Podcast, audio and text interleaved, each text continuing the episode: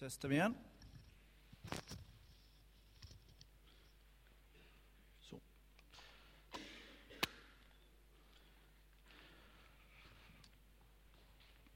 Nu låter det bra, eller hur? Bra. Jag tänkte på det i morse när jag slog upp ögonen, när vi närmar oss här jul nu.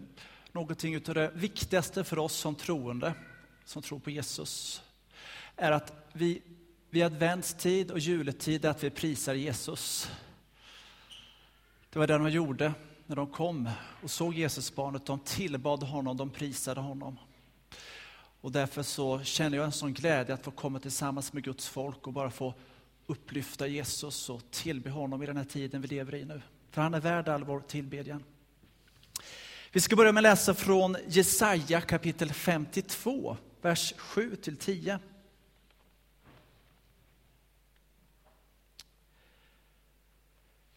Härligt är att höra budbärarens steg när han kommer över bergen. Han som bär bud om seger, som ropar ut goda nyheter. Bär bud om räddning och säger till Sion, din, din Gud är konung. Hör dina väktare ropar och jublar. Med egna ögon ser du hur Herren vänder åter till Sion. Brist ut i jubel Jerusalems ruiner. Herren tröstar sitt folk och friköper Jerusalem. Herren visar sin makt och helighet inför alla folk. Hela jorden ska se hur vår Gud räddar oss. Det går inte att ta miste på glädjen som de gamla testamentliga profeterna har när vi läser de här texterna i advent och strax före jul. Herren vänder tillbaka. Han kommer för att trösta sitt folk. Guds profeter hade ett uppdrag att trösta Guds folk, att samla Guds folk, att samla det lidande, skingrade folket och trösta dem och ge dem hopp. Och vi kan här i adventstid bara få stämma in i de här orden. Hur härligt det är att få höra budbärarens steg, när han bär bud om seger och ropar ut de goda nyheterna. För profetordet, Jesajas profetord är också ett budskap till dig och mig. Att vi ska få fira detta om några dagar när det blir jul. Jesu födelse. Han som utlovades av profeterna att födas. Guds son skulle komma till den här världen. Han skulle nu komma och ge oss frid. Han skulle komma för att hela oss. Och tillvarons innersta väsen är inte ett mörker, är inte ett elände, utan tillvarons innersta väsen det är ett hjärta från Gud som bultar för varje människa, som har gett sig åt varje människa. Det är liksom det innersta utav allt som är. Det är Gud, för han finns till för allting. Han är A och O. Han fanns till innan vi fanns till. Så hur den ser ut när vi tittar runt på vår jord och kanske rakt in i våra liv. Det som är mest sant, det är den Gud är. Hans hjärta för oss. Och det är den verkligheten vi behöver vända tillbaks till hela tiden. Jesus utgav sig för att vara sanningen. Och han är sanningen om våra liv. Och Jesus, han vill inte bara komma till oss som en tillfällig gäst, utan han vill vara vår Herre och vår Frälsare. Nu ska vi läsa ifrån Lukas evangeliet kapitel 1, vers 39 till 55.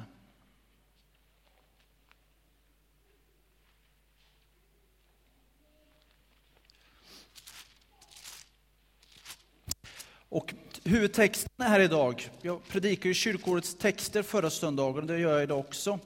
De olika texterna som läses i alla kyrkor i Sverige. Och det här är själva texten jag ska utgå från i min predikan. Och det är Marias besök hos Elisabet. En fascinerande text tycker jag. Några dagar efteråt gav sig Maria iväg och skyndade till en stad i Juda bergsbygd. Hon gick till Sakarias hus och sökte upp Elisabet. När Elisabet hörde Marias hälsning sparkade barnet till i henne och hon fylldes av helig ande. Hon ropade med hög röst, välsignad är du mer än andra kvinnor och välsignat det barn du bär inom dig. Hur kan det hända mig att min herres mor kommer till mig? När mina öron hörde din hälsning sparkade barnet till mig av fröjd. Salig hon som trodde, ty det som Herren har låtit säga skall gå i uppfyllelse. Då sa Maria, min själ prisar Herrens storhet, min ande jublar över Gud, min frälsare. Han har vänt sin blick till sin ringa tjänarinna. Från denna stund skall alla släkten prisa mig salig. Stora ting låter den mäktige ske med mig, hans namn är heligt och hans förbarmande med dem som fruktar honom vara från släkte till släkte. Han gör mäktiga verk med sin arm, han skingrar dem som har övermodiga planer. Han störtar härskare från deras troner och han upphöjer de ringa. Hungriga mättar han med sina gåvor och rika skickar han tomhända bort. Han tar sig an sin tjänare Israel och håller sitt löfte till våra fäder och förbarmar sig över Abraham och hans barn till evig tid. I Jesajas text hör vi budbäraren som kommer över bergen. Och det säger Jesaja om honom, det är härligt att höra budbäraren komma. Stegen är ljuvliga. Och budbäraren som kommer ur bergen ropar ut de goda nyheterna om frid, om hopp, om seger, om räddning och tröst. Och Jerusalems ruiner, de skall jubla ett fantastiskt bildspråk. Alltså det som ser ut som ett krasch, det som ser ut som ett nederlag, det som ser ut som allt hopp är ute. Det vänder tillbaka. För Herren han kommer för att trösta. Herren han kommer för att upprätta. Han kommer för att friköpa sitt folk och han kommer med makt. Säger profeten Jesaja tillsammans med många andra profeter. Maria, hon sa ja till Jesu uppdrag. Också hon kom faktiskt fysiskt talat över bergen, över Juda bergsbygd för att besöka sin släkting Elisabet. Hon var en av de som kom och skulle bära fram de glada nyheterna. Maria hade sagt ja till Jesu uppdrag. Och detta ja sa Maria därför att den heliga Ande hade kommit över Maria. Och därför så kunde hon inte annat än att lovsjunga Gud som vänt sin blick till sin ringa tjänarinna, för att citera Maria själv. Hon var ju bara en tonåring. Och Maria hon sjunger lovsånger därför att den heliga Ande hade kommit över henne. Och den heliga Ande hade uppenbarat för henne vad Gud hade gjort i hennes liv och att det skulle få betydelse för en hel värld, för en hel mänsklighet, för alla tider. Som kunde inte annat än att bara få höja sin röst inför Gud och tacka honom. Maria tog Guds löften på allvar. Profetorden skulle, gå nu, skulle nu gå i uppfyllelse genom att Gud själv genom sin ande tog plats i hennes liv så skulle nu profetorden gå i uppfyllelse. Tänk bara in en ung tjejs tankar och funderingar och vad omtumlande detta måste vara, att få bära världens frälsare i sin egen mage. Det är fascinerande. Men Gud hade valt ut henne. Och Maria tog det här på högsta allvar. Löftet om en befriare, om en rättfärdig kung, om en herde för Israels folk skulle nu gå uppfyllelse. När ängeln, Maria, eh, när ängeln Gabriel kommer till Maria så förstår hon att Gud kommer uppfylla sina löften. Hon säger, han tar sig an sin tjänare Israel och håller sitt löfte till våra fäder att förbarma sig över Abraham och hans barn till evig tid.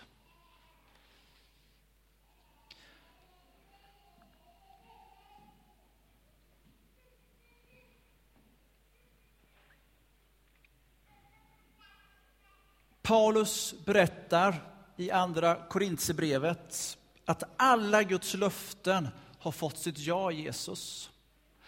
Alla profetord som fanns i Gamla testamentet om en kommande Messias, om en kommande frälsare, strålade samman i Jesus. Det fullbordades i honom. Jag ska läsa det bibelordet som Paulus skriver.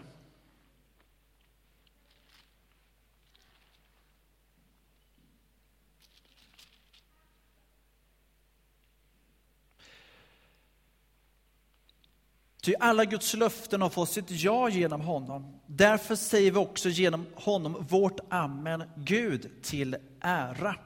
Det är Gud som befäster både er och mig i tron på Kristus som har smort oss. Han har satt sitt sigill på oss, och gett oss anden som en borgen i våra hjärtan.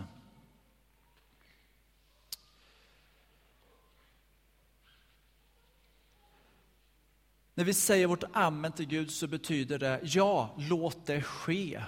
Det är precis så amen betyder. Ja, låt det ske Gud. Detta amen, detta ja förlöser just den här lovsången i vårt inre.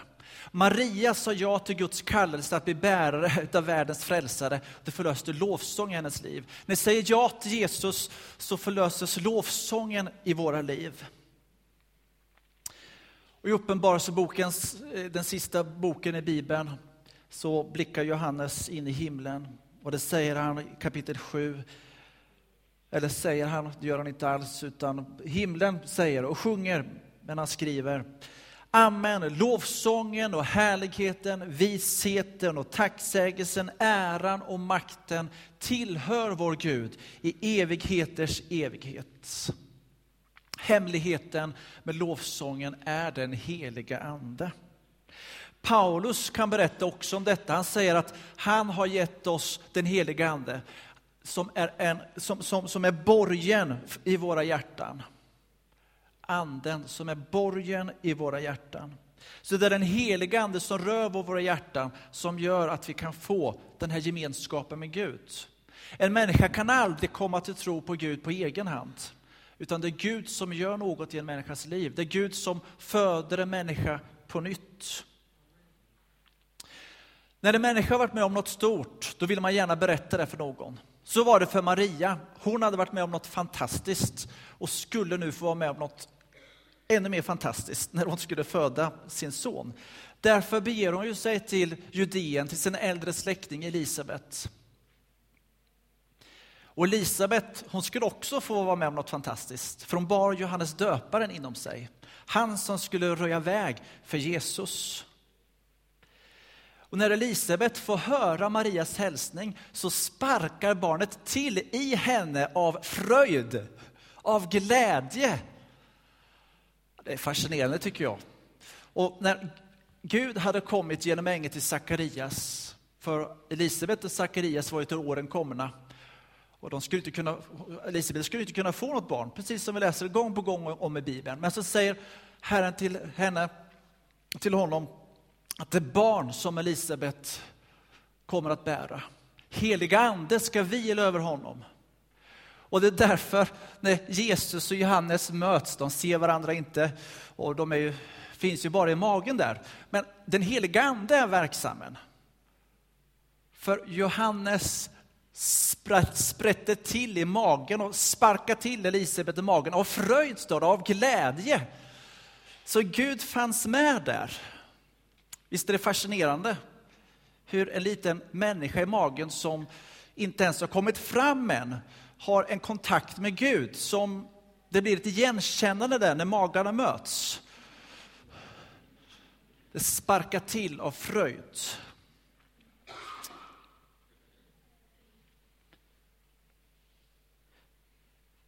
Jesus blev till i Maria genom Guds ande. Vi tror på att Maria var en jungfru. Att det inte var någon man som hade rört vid henne, utan det var Gud själv. Det var på så sätt som hon blev gravid.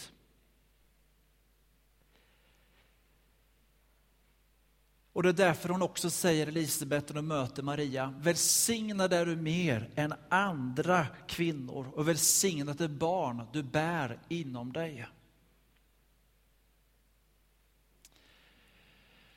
Det viktigaste Maria lär oss i den här texten tycker jag, det är att livet tillsammans med Jesus, det liksom dresseras inte fram, utan det är någonting som föds fram.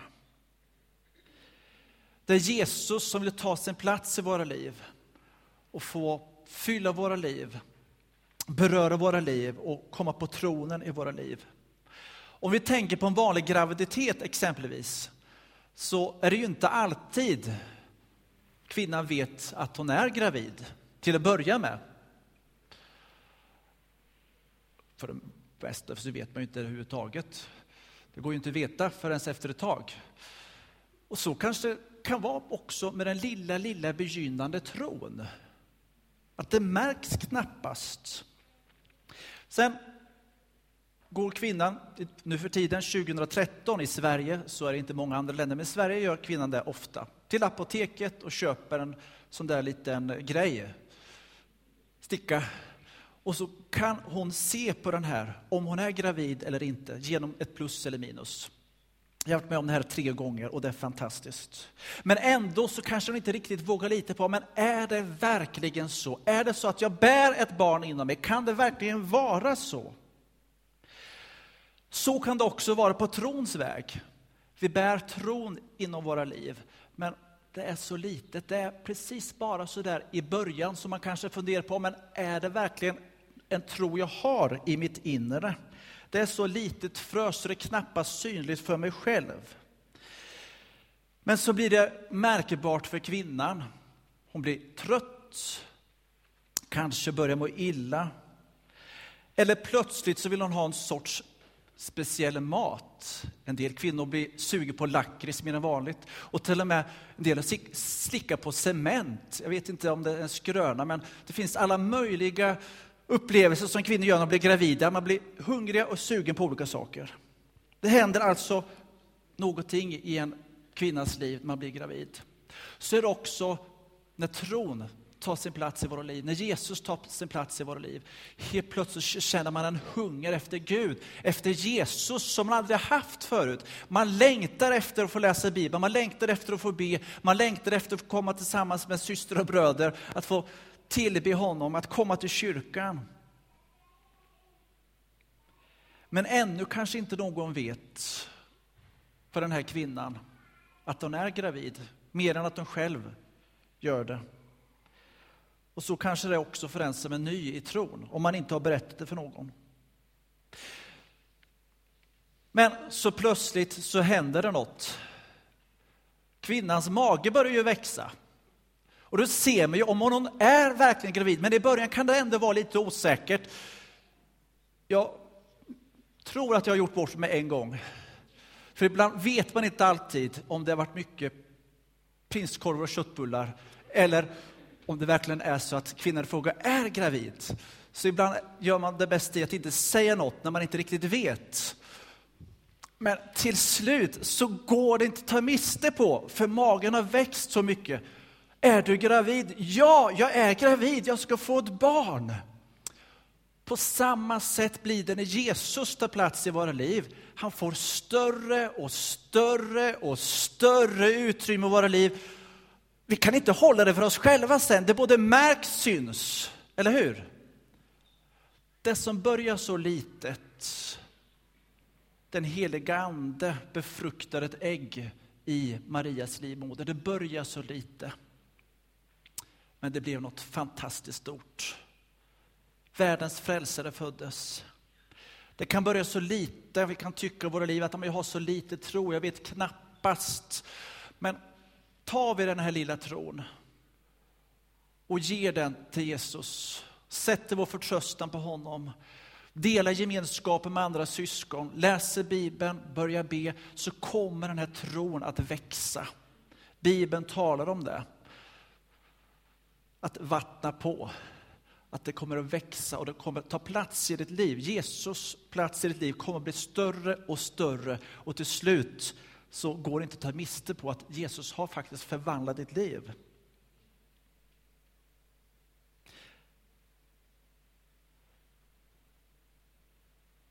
Det, en viktig poäng i den här texten är, det är att kvinnan kan inte snabba på tillväxten. Utan normalt sett så är det nio månader en kvinna är gravid. Sedan kan barnet komma tidigare, men normalt sett så är det nio månader. Det är inte hon som får barnet att växa. Livet i henne är ett eget liv, men det här livet är beroende av kvinnan. Och kvinnan ger sitt barn näring och goda förutsättningar för att växa. Men de styr inte växten. Så behöver vi också tänka på våran tro. Det viktigaste vi kan göra är att ge näring till våran tro. Att leva nära Jesus. Och då kommer vi mogna allt mer och mer i hopp, tro och kärlek. Och ibland kanske vi undrar hur vi någonsin ska klara av att förmedla Jesu liv till andra människor. Vi ställs i situationer då allt kanske känns stängt och hopplöst och vi tänker oss, hur ska detta ske? För det var det, det var det Maria sa till ängeln när, hon sa, när ängeln sa till henne att hon skulle bli uppfylld av anden, hon skulle få bära världens frälsare. Hur ska detta ske? Och den frågan kan vi också ställa oss ibland när vi står i situationer, hur ska det här ske? Hur ska jag klara av det här? Men Herren sa till henne genom ängeln att helig ande skall komma över dig. Den högstes kraft skall vila över dig. Och den hälsning som Jesus också vill ge till dig här idag, om det är en situation där du inte vet eller ser någon utväg och det ser omöjligt ut. Herren, han ska komma över dig. Herrens kraft ska komma över dig. Och likaså om du är bärare av en tro och inte vet hur du ska dela med dig din tro till andra. Det är genom Herrens kraft det ska ske. Herren skall komma över dig. Den högstes kraft ska vila över dig. Och det är den heliga Ande som hjälper dig att prisa Herrens storhet, att tacka honom, att förstå Jesus storhet. Och Maria hon är verkligen vårt föredöme att säga ja till Jesus. Hon fick förmedla Jesus till den här världen. Och som Maria gjorde så får vi förmedla Jesus till människor omkring oss. Därför kan du här idag se dig själv som budbäraren som skyndar iväg till de som suckar, till de som lever i ett mörker och säga, jag bär bud till dig om en stor glädje. En frälsare har fötts åt er i Davids stad. Han är Messias, han är Herren, han kan förvandla. Det är inte det mörka, det är inte det eländiga som är det innersta utav vår tillvaro, utan det är Guds faders hjärta som bultar för varje människa. Det är det julen handlar om, det är det hopp som vi äger. Och därför så kan vi prisa Jesus idag. Och det budskapet kan vi få ta med oss till våra medmänniskor. Han bär bud om en stor glädje, att idag har en frälsare fötts åt er i Davids stad. Han är Messias. Han kan frälsa, han vill förvandla, han vill trösta, han vill ge hopp, han vill ge frid. Det är evangelium. Ska vi be tillsammans? Jesus, jag prisar dig, jag tackar dig för att du är så otroligt god. Och jag tackar dig för julen, tack att vi får fira dig nu Jesus. Tack att vi får tillbe dig. Jag tackar dig för ditt ord. Jag tackar dig för att alla profetord i Gamla Testamentet fick sin uppfyllelse i dig, Jesus. Och jag tackar dig för att allt blev fullbordat i dig. Och jag tackar dig att du kom hit till vår jord som ett litet människobarn, Herre. Och jag tackar dig för att du kom i fattigdom, i enkelhet, Gud. Du kom naken, Herre. Men du blev krönt med makt och härlighet i majestät. Och jag tackar dig för att du råder idag.